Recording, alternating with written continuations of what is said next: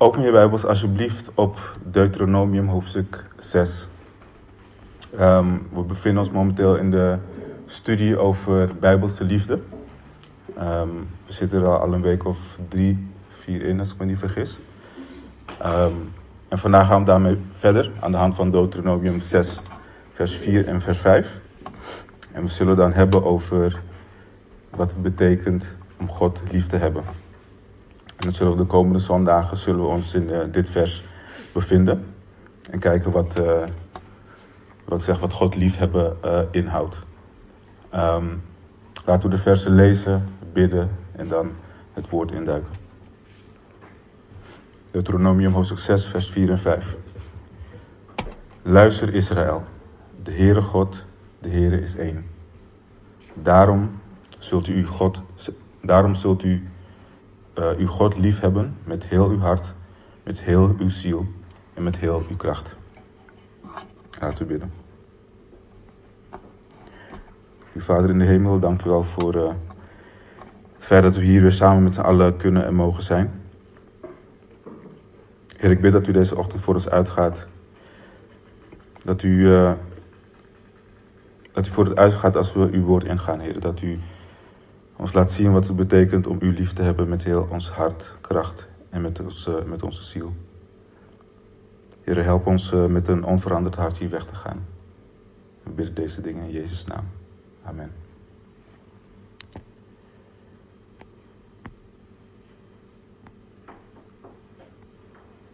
God liefhebben voor wie hij is, met heel je hart, kracht en met heel je ziel. Op het moment dat uh, Deuteronomium geschreven wordt, um, uh, zijn de Israëlieten op het punt om het beloofde land in te gaan. Mozes is op dit moment aan het voorbereiden op uh, het in het bezit nemen van, van het beloofde land. En hij is er hier de wet nogmaals aan het, aan het vertellen, aan het uitleggen. En als je Deuteronomium leest, is er één ding wat je continu terug ziet gaan wat belangrijk is voor de Joden om op hun hart gedrukt te hebben voordat ze het beloofde land ingaan. En die dingen zijn, vergeet niet wie de Heere God is. Vergeet niet wat Hij voor, voor je heeft gedaan. Vergeet niet dat Hij de enige God is. En houd de geboden van de Heere in stand. Heb, Hem lief boven alle andere dingen. Specifiek boven alle andere uh, goden.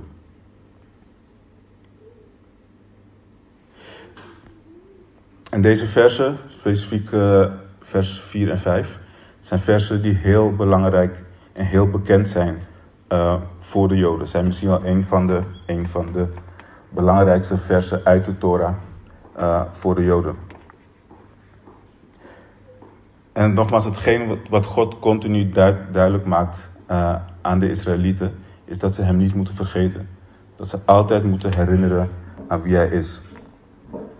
Dat ze dicht bij hem moeten blijven. Dat ze zijn geboden in acht moeten nemen. En keer op keer zien we door het Oude Testament heen um, dat God dit moet blijven drukken op de harten van de Israëlieten. Want God kende, kende de harten van de mensen, en specifiek de Joden, dat het een koppig volk, was. Um, dus vandaar dat het nogmaals nodig was om ze continu daaraan te herinneren. Hij gaf ze uh, ook bijvoorbeeld fysieke uitingen om ze deze dingen niet te laten vergeten. Denk aan de besnijdenis als herinnering aan het uh, verbond wat, wat hij met uh, Abraham heeft gesloten. Of hij heeft ze de Sabbat gegeven, zodat ze nooit zullen vergeten dat hij degene is die ze uit Egypte heeft geleid. Ze hebben feestdagen ge gekregen om te blijven herinneren wie de Heer is. En zo heeft de Heer nog meer dingen gegeven aan de Joden om hem niet en nooit te vergeten. En Deuteronomium 6, vers 4 en 5 raakt eigenlijk de kern van al deze geboden. De kern wat God van de Joden en ook van ons vraagt. En elke Jood, je zou kunnen vragen, is bekend met deze versen. Zoals ze zeggen, het is een van de, een van de belangrijkste, bekendste versen onder de Joden. Want het is namelijk het begin van een gebed waar de Joden dagelijks bij het opstaan en bij het slapen gaan bidden. Um, en dat gebed noemen de Joden de, uh, de Shema, Shema, als ik het goed uitspreek. Um, En waarom heet het de Shema? Omdat dat het eerste woord is waar het gebed mee begint. En dat is ook het eerste woord wat we lezen in Deuteronomium 6, vers 4. De Shema. Uh, de Shema betekent luister. Luister Israël. Shema Israël. Vandaar dat het gebed zo wordt genoemd. De lange versie van het gebed bevat uh, meerdere Bijbelteksten. Dat kan je opzoeken als je wil. Daar gaan we nu niet over hebben. Um, maar weet wel dat dit een heel belangrijk vers is, ook voor de Joden. Dus wanneer de Joden de Shema uitspreken, dan proclameren ze, uh, dan bevestigen ze, bevestigen ze dat de Heere God de enige God is. En dat ze de geboden om een liefde hebben in acht moeten nemen. Dat is wat ze proclameren op het moment dat ze dit gebed bidden. En als je bijvoorbeeld ook naar Israël gaat, um, ik, volgens mij hebben een aantal Joden het hier ook. Ze lopen er niet meer op straat, maar ze hebben het wel tijdens het moment van gebed. Hebben ze zo een, een, een, een doosje op hun hoofd. Um, en dat uh, noemen ze volgens mij de uh, terrafim of terrafim. Ik weet niet precies hoe ze dat noemen, maar in Nederlands is dat zo'n gebedsriem. En in dat doosje hebben ze een, een boekrol, of een, rolletje. En daar, uh, op dat rolletje, hebben ze ook dus deze tekst uit Deuteronomium, uit en de andere versen van, van de Shema. Dus ze zijn nogmaals, ze zijn er heel erg bekend mee. Um, dan hoeven wij zelf niet met zo'n blok op ons hoofd, hoofd te, te lopen. Um, maar het geeft wel aan hoe serieus de Joden deze woorden specifiek van God namen. En we weten dus, en we zien dus ook in de Bijbel, op het moment dat God iets continu herhaalt of heel sterk benadrukt, dan moeten we daar wat mee. We kunnen dit niet um, zomaar aan ons voorbij laten gaan. De Heer zegt luister. Luister Israël. Hij heeft ook tegen ons luister. En we zien vaker in het, in het woord, in het, in het Oude Testament ook heel veel, dat God oproept, de mensen oproept om te luisteren. En ik denk dat het ook goed is om te weten wat, wat dat bedoelt, wat, wat hij daarmee bedoelt. Um, natuurlijk, um, Shema, luister, betekent luisteren. Maar het is meer dan simpelweg horen wat er gezegd wordt. Het betekent luister en doe wat ik zeg. Dus luister en gehoorzaam. Dat is eigenlijk wat luister, als, als de Heer dat zegt in Israël, Shema. Als hij dat zegt, betekent hij luister en doe wat ik zeg. Dus de Heer zegt luister en gedraag je daarna. En weet dat ik de Heere God één ben, de enige ben. Dat houdt God liefhebben begint bij de erkenning van wie Hij is. Het begint bij het weten dat God de enige en de waarachtige God is. Um, en nogmaals, God benadrukt dit keer op keer, uh, omdat dit zo een belangrijk ding is voor ons om in gedachten te houden. Hij is de enige. Als ik bijvoorbeeld tegen mijn kinderen zeg, luister naar wat je moeder en ik zeggen, dan bedoel ik eigenlijk wat hier staat, Shema. Luister niet alleen, maar doe ook wat we zeggen. Dus zo moet je dat zien. Als je zegt luister, is het een opdracht van gehoorzaamheid, maar ook van, um, ja, het is een opdracht van gehoorzaamheid, is dat. Um, dus God uh, maakt het keer op keer duidelijk aan, aan de Joden. Dat ze moeten herinneren dat Hij de enige God is. Want het probleem van de Joden was niet zozeer dat ze twijfelen aan het feit dat God bestond. Ze wisten dat God bestond. Ze wisten dat er een God was die de hemel en aarde en alle mensen en alles wat daarop is gemaakt was. En ze hadden niet het probleem wat wij vandaag de dag zelf wel hebben. Dat ze overtuigd moesten worden, dat ze mensen moesten overtuigen van het bestaan van God. Het probleem wat ze, wat ze zelf hadden is dat ze juist te veel goden hadden. En specifiek te veel zelfgemaakte goden hadden.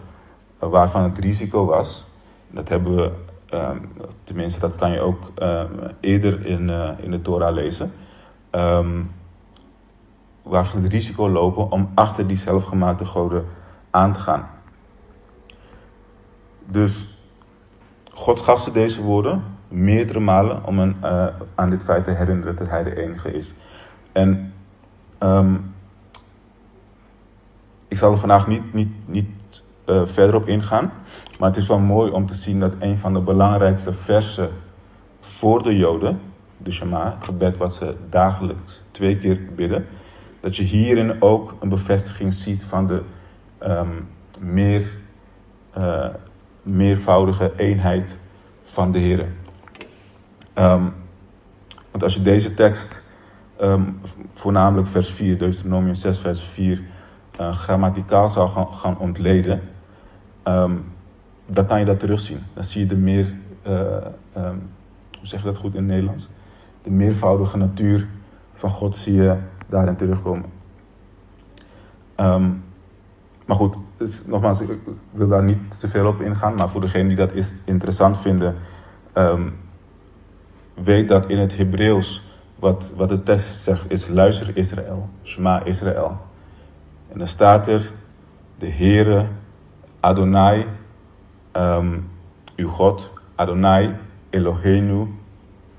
Um, en Eloheinu is um, vertaald voor ons uh, als God. Het Hebreeuwse woord voor God is El. En Eloheinu is afkomstig van de meervoudige mannelijke vorm van het woord El, Elohim. Dus we zien hierin dat uh, God wordt aangeduid als een, een, ja, een meervoudige God. En dan gaat het vers verder. Uh, de Heere, uw God, de Heere Adonai is één. De, en dan is het in het Hebreeuws vertaald Adonai Echad. En de Joden, of het Hebreeuws, heeft drie vormen van één. Je hebt een enkele, je hebt een één die bestaat uit twee, dus een dubbele. En je hebt één die bestaat uit meer dan twee, dus meerdere. En dat woord zien we hier dus ook voor God gebruikt worden. Dus de Heere uw God, uh, de Heere God, die is één. Dat is wat, wat de tekst, zegt, maar grammaticaal kan je eruit halen dat God meervoudige eenheid heeft. Maar goed, um, dat mag je zelf uitzoeken wanneer we ons in Deuteronomium uh, gaan bevinden, de studie dan zullen we hier verder op ingaan.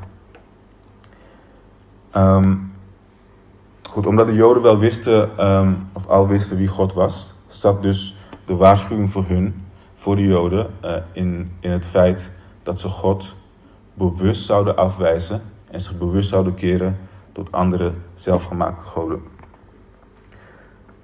Um, en we lezen deze waarschuwing van de Heer ook eerder in Deuteronomium, Deuteronomium 4, vers 23. Ik heb, zoals ik zeg, vandaag helaas niet de slides uh, bij me. Maar in Deuteronomium 4, vers 23, dan lezen we, waar de Heer zegt, wees op uw hoede, dat u het verbond van de Heere uw God, dat hij met u gesloten heeft, niet vergeet. Niet vergeet en voor u een beeld maakt, de afbeelding van enig ding dat de Heere uw God u verboden heeft.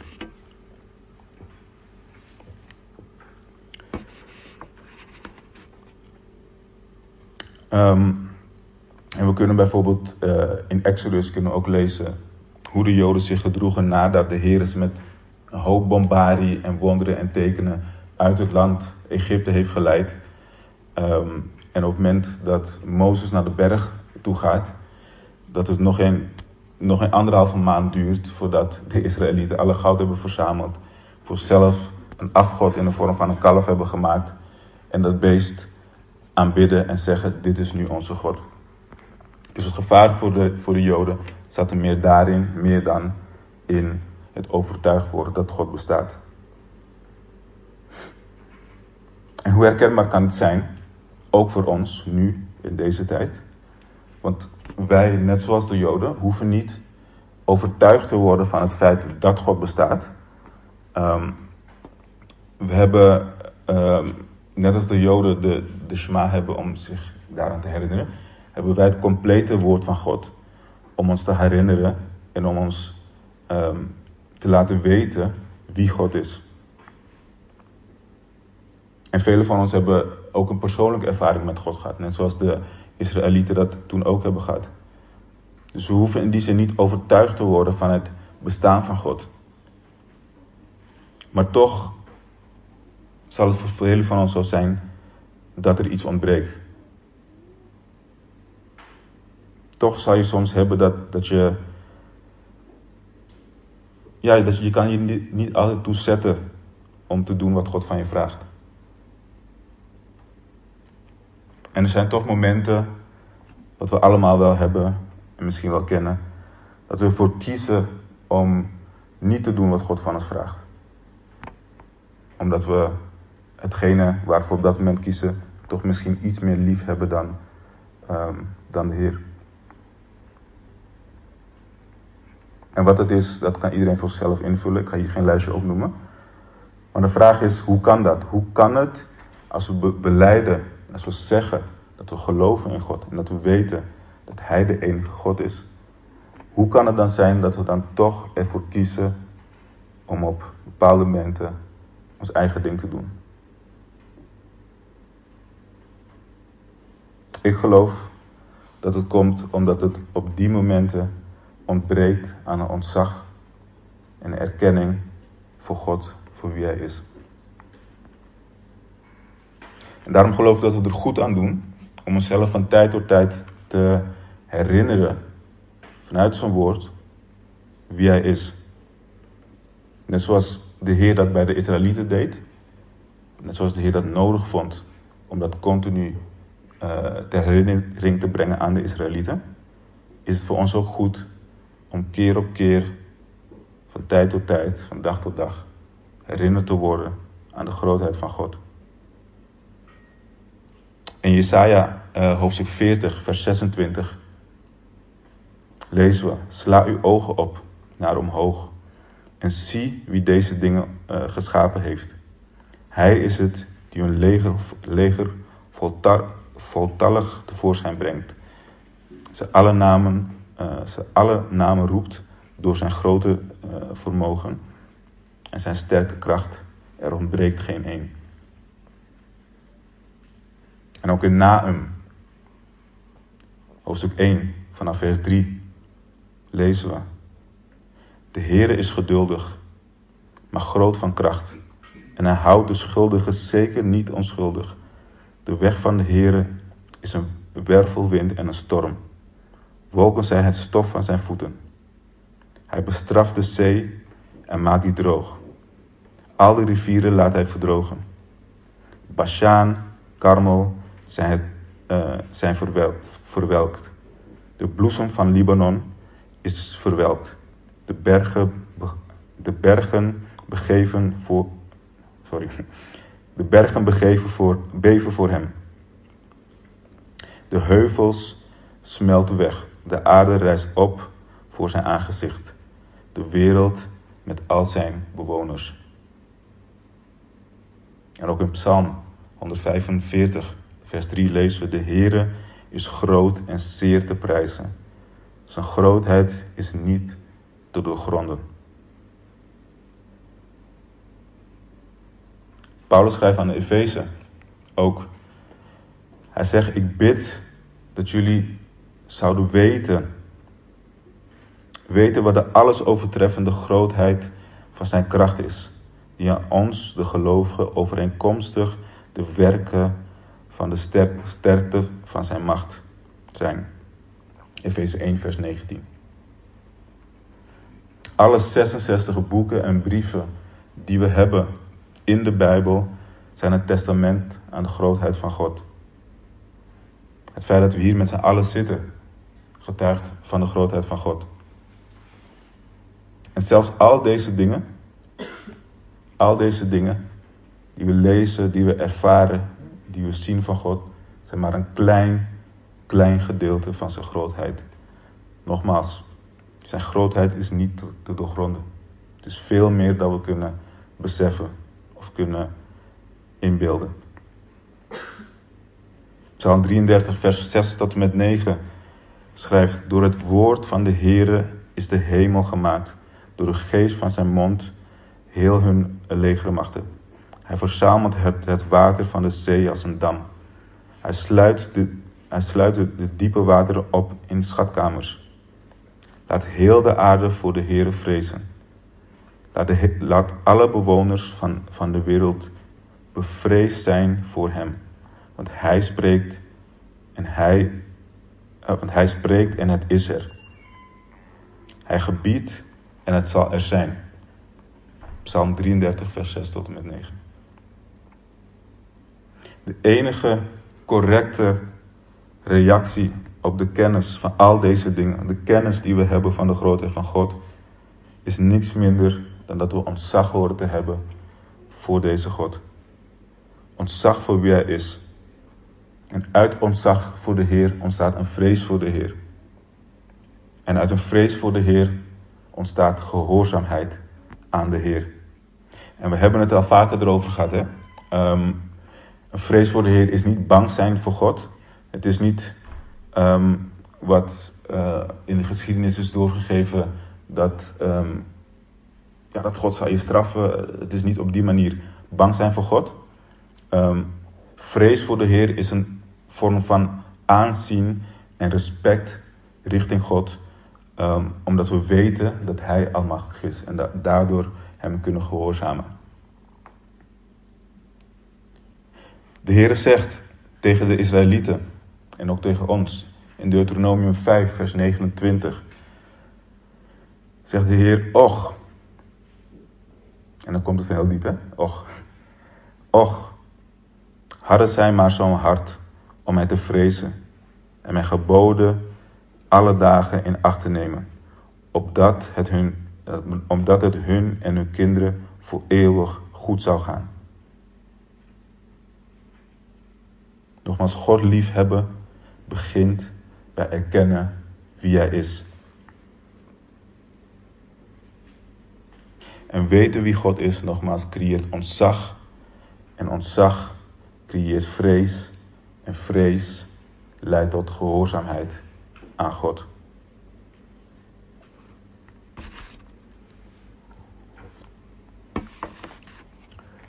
Iemand kwam uh, ooit bij Jezus en hij stelde de vraag: wat is het belangrijkste wat je moet doen? Um, hij stelde het niet per se zo. Het was niet per se iemand, het was een fariseer die naar Jezus toe kwam. En die fariseeën die stelden de vraag uh, aan Jezus. Uh, omdat de fariseeërs hadden gehoord hoe Jezus de Sadduceeën tot zwijgen had gebracht. Sturen ze een van hun eigen geleerden sturen ze op Jezus af.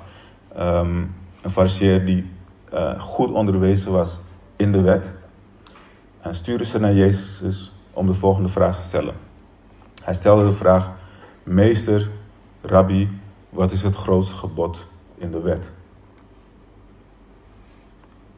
Het antwoord van Jezus vinden we um, uh, Matthäus 22, vanaf vers 37.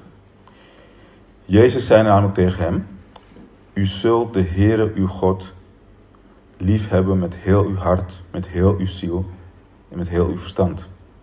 Dit is het eerste en het grote gebod.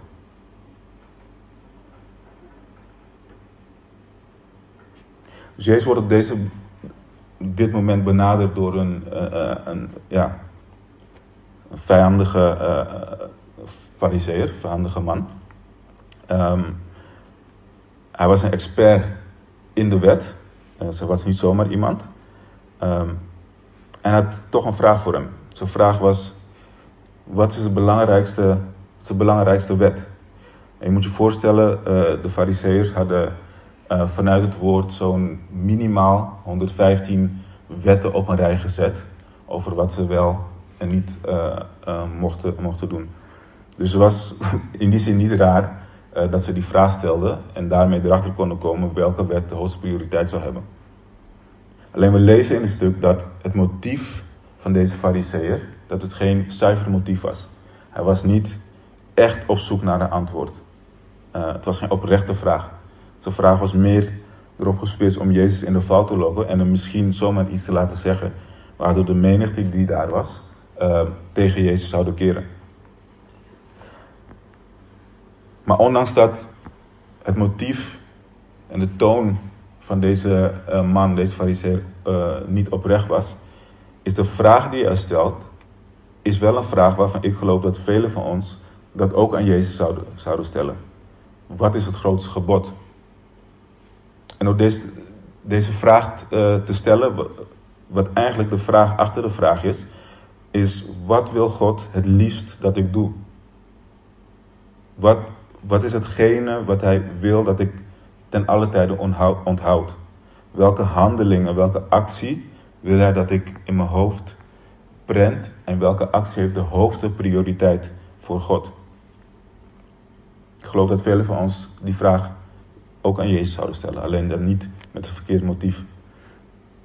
En het antwoord geeft Jezus dan ook. En het antwoord vinden we dus ook in Deuteronomium 6, vers 4 en 5. En ook in Deuteronomium 10, vers 12. En daar lezen we, nu dan, Israël. Wat vraagt de Heere, uw God, van u? Dan de Heere, uw God, te vrezen in al zijn wegen en al zijn wegen te gaan.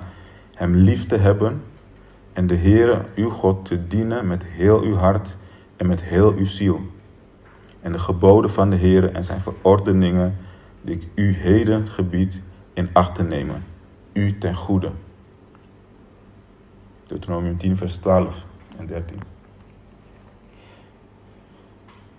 De Heere wil dus nogmaals dat we erkennen wie Hij is. Hij herhaalt, herhaalt het continu, ook aan de Israëlieten. Want wanneer we de Heere echt kennen, dan kan dit niet anders dan dat het leidt tot een groot ontzag en een, een, een onderwerping aan wie hij is. Je kan daar niets anders dan op je knieën vallen en hem te loven, hem te prijzen en hem te eren. En te onderschikken nogmaals aan zijn verordeningen. En God liefhebben, dat is precies dat, een verordening. Het is een gebod als reactie op de erkenning van wie God is. Luister Israël, de Heere, uw God, de Heere is één.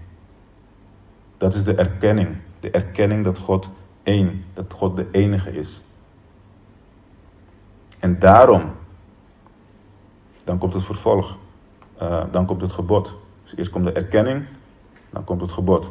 Daarom zult u de Heere, uw God, lief hebben met heel uw hart, met heel uw ziel, met heel uw kracht.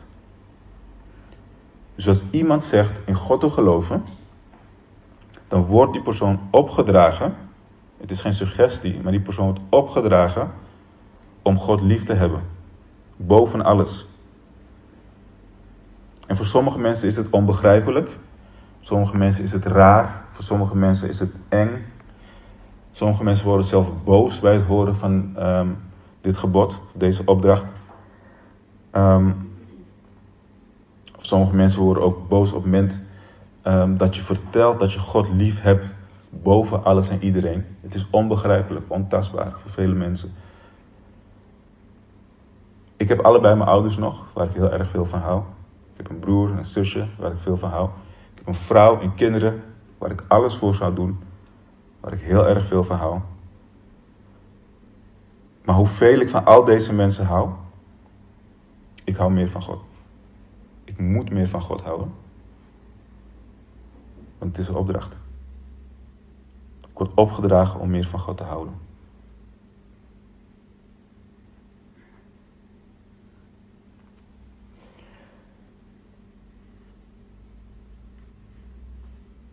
Maar dat is wat hij vraagt. Heel simpel. En degene die God niet kennen, niet echt kennen, of God echt niet kennen, die persoon zal nooit begrijpen wat het effect is van dit gebod op mijn gezin, op mijn familie en op iedereen waar ik mee omga. Het effect van God liefhebben boven alles maakt namelijk dat we zullen liefhebben wat Hij lief, hebt, wat hij lief heeft. En dat we zullen gehoorzamen wat Hij zegt, ook al hebben we er geen zin in. Dus ik word opgedragen om de mensen om me, liefde heen, om, me, om, me, om me heen lief te hebben, ook al heb ik daar geen zin in.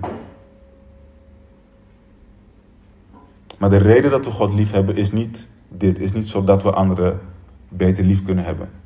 Het is een effect daarvan, dat wel, maar het is niet de reden.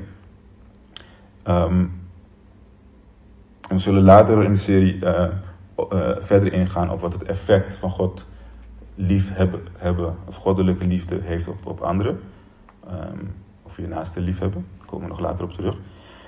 Maar het, ehm, de reden eh, dat we God lief hebben, ehm, is simpelweg omdat Hij het van ons vraagt. Dat is de reden dat we God lief hebben.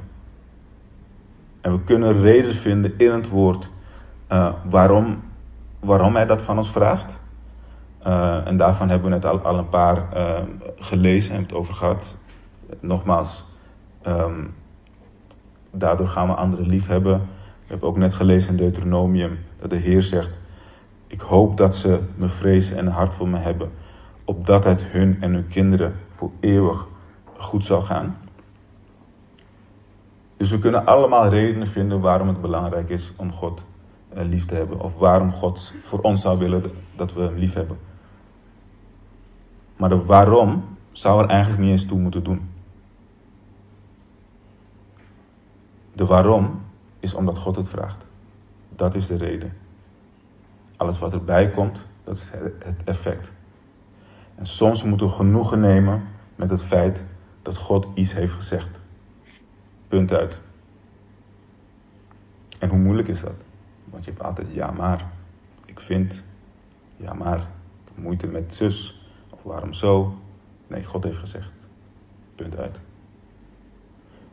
Toen Jezus, uh, of toen Mozes, uh, uh, oftewel Mozes in Deuteronomium, de wet nogmaals uitlegt aan de Joden, dan vertelt hij dus dat um, hij zelf het beloofde land niet in zou gaan vanwege het volk. maar hij vertelt ook hoe hij, dat, de Heer boos op hem is geworden vanwege het volk en dat de Heer hem daarom heeft gezegd dat hij het beloofde land niet in zou gaan. En hij vertelt ook dat hij uh, naar de Heer toe is gegaan. En de Heer heeft gesmeekt van, Heer, alsjeblieft, u heeft zoveel dingen gedaan, ook door mij heen. Laat mij alsjeblieft het beloofde land ingaan, wat u heeft beloofd aan ons allemaal. En de Heer zegt, hou erover op. Dit is wat ik heb gezegd. Neem hier genoegen mee. Soms is, als God iets zegt, genoeg. Punt uit. Maar dan is de volgende vraag dan toch: hoe kan God je gebieden om hem lief te hebben? En het antwoord daarop is ook vrij simpel. Dat is namelijk hanteer de correcte betekenis van liefhebben en je zult het beter begrijpen. Want het probleem is dat, uh, daar hebben we ook vaker over gehad, um, dit is alleen een probleem als je niet de juiste vorm van liefde. Uh, um, niet de juiste vorm van liefde uh, hebt. En nogmaals, we hebben er al eerder over besproken, dus zal hier ook niet verder te diep in, gaan. Maar ter herinnering aan de vorige studies en herinnering aan wat we ook om ons heen zien en misschien zelf ervaren, is liefde gedefinieerd door de wereld. En liefde gebaseerd of onderhevig aan onze emoties. En daarom wordt er ook in deze tijd, in deze cultuur, in deze maatschappij neergekeken op iets zoals dit, een gebod om lief te hebben, een opdracht om lief te hebben. Maar bijbelse liefde, zoals we weten, is niet simpelweg een emotie. Het is geen emotionele reactie. Het is een handeling, een handeling uit gehoorzaam, um, handeling uit gehoorzaamheid en uit ontzag voor God. En dan komt de volgende vraag: wat doen we met al deze informatie? Als we weten dat God de enige is, als we weten wie God is, dat er geen andere goden zijn. Als we al deze dingen kennen, wat is onze reactie hierop? De reactie van de fariseeën en schriftgeleerden was dat ze met zo'n doos op hun voorhoofd uh, liepen, met de woorden van God erin. Um, en ze hadden ook van die, van die kwastjes onder aan hun, uh, aan hun gewaarden. En ook dat was een teken om te blijven herinneren aan het woord van God. Dus zij kenden de woorden van God. Ze hadden alles om zich daaraan te herinneren. Maar wat deden ze met die kennis? Zo gaan naar Matthäus 23. Dan lezen we um, iets van de reactie van, uh, tenminste iets van hoe de ehm, Joodse leiders hiermee omgingen. Matthäus 22, vanaf vers 2. De schriftgeleerden en de fariseeën uh, zijn gaan zitten. Hier spreekt Jezus trouwens. De schriftgeleerden en de fariseeën zijn gaan zitten uh, op de stoel van Mozes. Daarom, al wat zij u zeggen uh, dat u in acht moet nemen, neem dat in acht en doe het. Tot zover goed. Maar dan zegt hij, maar doe niet overeenkomstig hun werken. Want ze zeggen het, maar ze doen het zelf niet. Want ze binden lasten samen die zwaar zijn en moeilijk om te dragen. En zij leggen ze op de schouders van, van mensen, maar ze willen die zelf met geen vinger verroeren. Al hun werk doen zij om door mensen gezien te worden. Want zij maken hun gebedsriemen, een ding op hun hoofd, en de kwastjes aan hun kleren. Ze maken hun gebedsriemen breed en ze maken de kwastjes op hun kleren maken ze groot. Als je naar een, een verfilming kijkt van, um, um, van iets in de tijd van Jezus, het, het, het, evangelie of, of wat dan ook, dan zie je dat de Joodse leiders dus dat ding op hun hoofd hadden, zo'n breed ding. Dat is dus uh, wat het is, waar dus ook die boekrol in zitten. En het was op een gegeven moment een sport om het zo groot mogelijk te maken, om te laten zien uh, hoe heilig je was. Dus die, die dozen op hun hoofd werden groot en die kwastjes werden groter, alleen maar om te laten zien hoe heilig uh, ze waren. Als ik dit lees, dan, moet ik altijd denken aan het feit dat, dat ik zelf en ook andere broers en zussen van ons wel eens vaker uit zijn gemaakt voor fariseer. En mensen zeiden altijd dan, ja, je moet niet zo krampachtig doen met het woord, je moet, je moet niet zoveel de Bijbel lezen, je hoeft niet alles zo nauw en zo serieus en zo strikt te nemen. Um, of je hoeft je niet zo erg aan de regels te houden. En we werden gewoon uitgemaakt, ik en anderen, voor uh, fariseërs. Um, maar het probleem voor de fariseërs, lezen we hier ook, was niet dat ze het woord kenden. Het probleem van de fariseërs is dat ze het woord kenden, maar alsnog niet uitvoeren. Want Jezus zegt ook, doe wat ze u zeggen om te doen. Maar hij zegt, doe niet wat ze zelf doen. Want ze deden niks. Het enige wat ze wel deden is uiterlijke dingen, uiterlijk vertoon. Um, maar ze deden dat, en daar zit de kern. Ze deden dat allemaal zonder een ontzag voor de Heer. Ze deden het alleen om aanzien te krijgen. En bij het lezen van deze dingen, we kunnen altijd leren van de fariseeën. Deze dingen horen ons ook naar ons eigen leven, naar onszelf te laten kijken. Het leert ons dat we de juiste dingen kunnen zeggen. We kunnen zeggen dat we God lief hebben. We kunnen zeggen dat we van God houden. Um, oh, volgens mij gaat ik iets mis. Ja. Dus we kunnen al deze dingen zeggen. Um, we kunnen zelf met zo'n ding op ons voorhoofd lopen. Er zijn mensen waarvan hun hele huis vol hangt met bijbelteksten aan de muur. Uh, we kunnen elke zondag hier in de kerk zitten. We kunnen ons tiende geven. We kunnen iedereen de les voorlezen. We kunnen al deze dingen doen. Um, maar het betekent niks als we het ontzag, ontzag voor de Heer verloren zijn.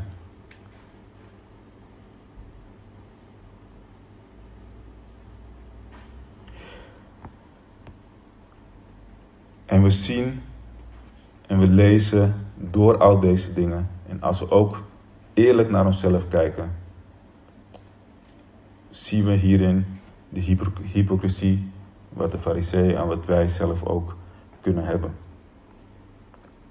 Want Jezus wijst hier ook in Matthäus 22 um, op, op, op de wet. De wet die ze notabene op dat moment voor hun hoofd dragen, op hun hoofd dragen wijst Jezus ze naar die wet. En dat laat zien dat ze de wet wel hadden, wel kenden, maar ze deden er niks mee. De hypocrisie. En het laat me ook denken, ik zeg, aan mezelf. En ik denk dat dat iets is wat we ten alle tijden moeten doen als we in Gods woord zitten. Het is makkelijk om naar buiten te kijken, maar we moeten ook altijd kijken naar wat de Heer ons leert uit zijn woord. Want als ik naar mezelf kijk, als ik voor mezelf mag spreken, ehm, ik beweer ook al deze dingen. Ik beweer God lief te hebben. Ehm, ik beweer ontzag voor God te hebben. En al deze dingen. Maar ik moet mezelf en mijn hart dagelijks toetsen om te vragen: is het ontzag voor de Heer wel groot genoeg? Is het wel echt zo? En vaak genoeg, tenminste, niet vaak genoeg, vaker dan ik zou willen, is het antwoord daarop uh, nee. Het is niet altijd groot genoeg.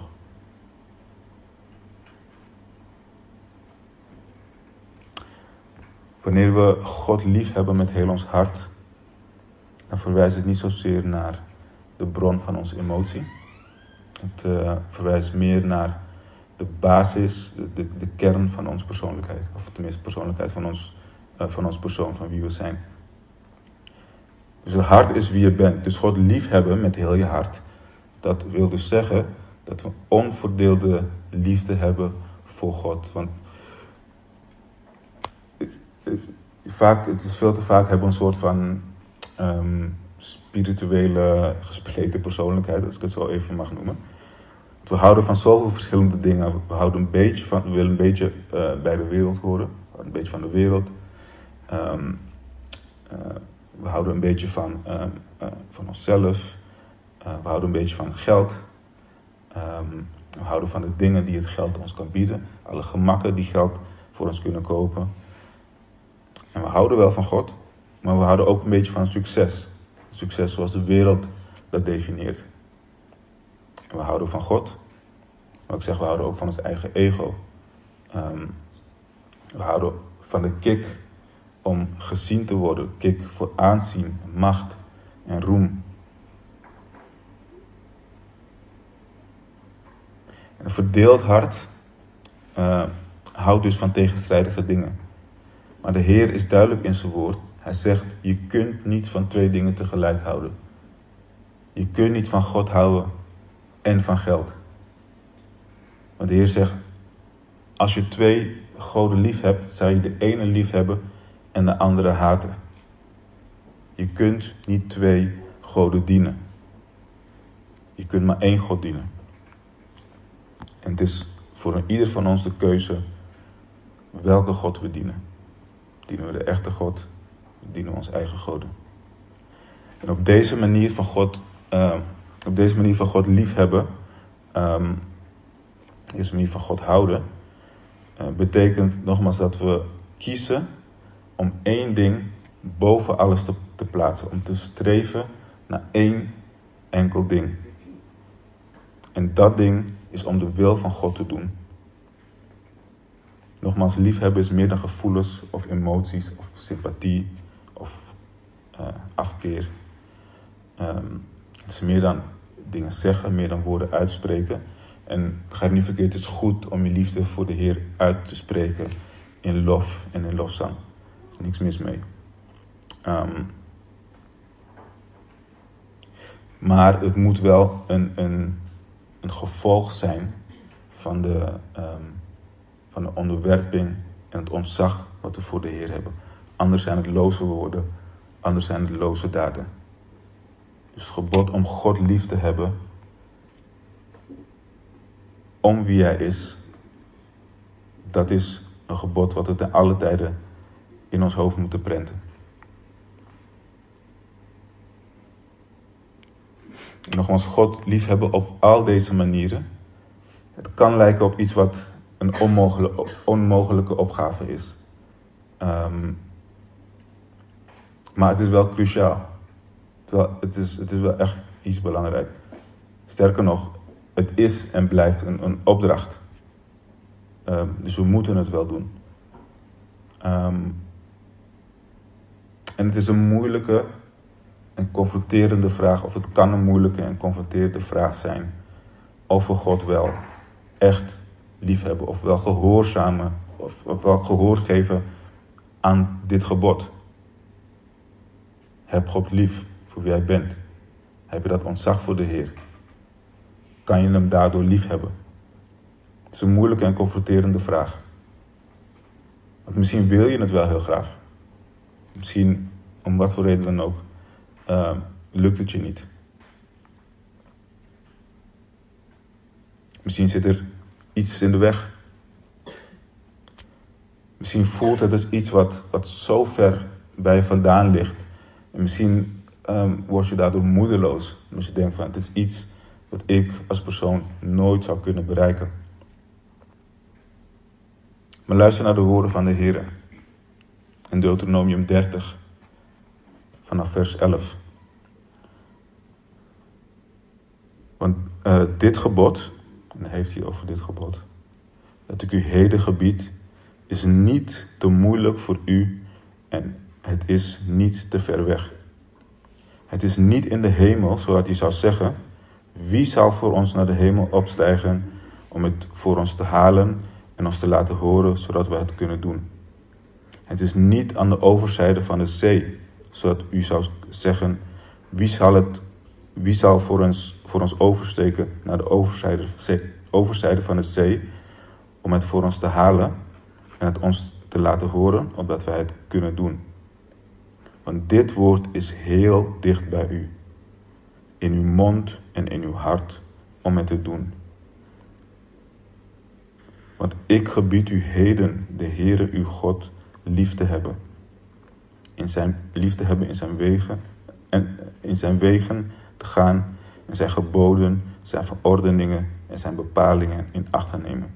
Dan zult u leven, talrijk worden en zal de Heere uw God u zegenen in het land. De Heere vraagt van ons niet meer dan dat we kunnen doen. De Heer vraagt ons niet iets wat onmogelijk is om te doen. En als je ervaart dat je dit heel graag zou willen, maar als je ervaart dat er iets tussen jou en God in zit, ga dan niet gelijk naar huis, je boekenkast leegtrekken en alle slechte boeken weghalen. Of je sieraden verbranden.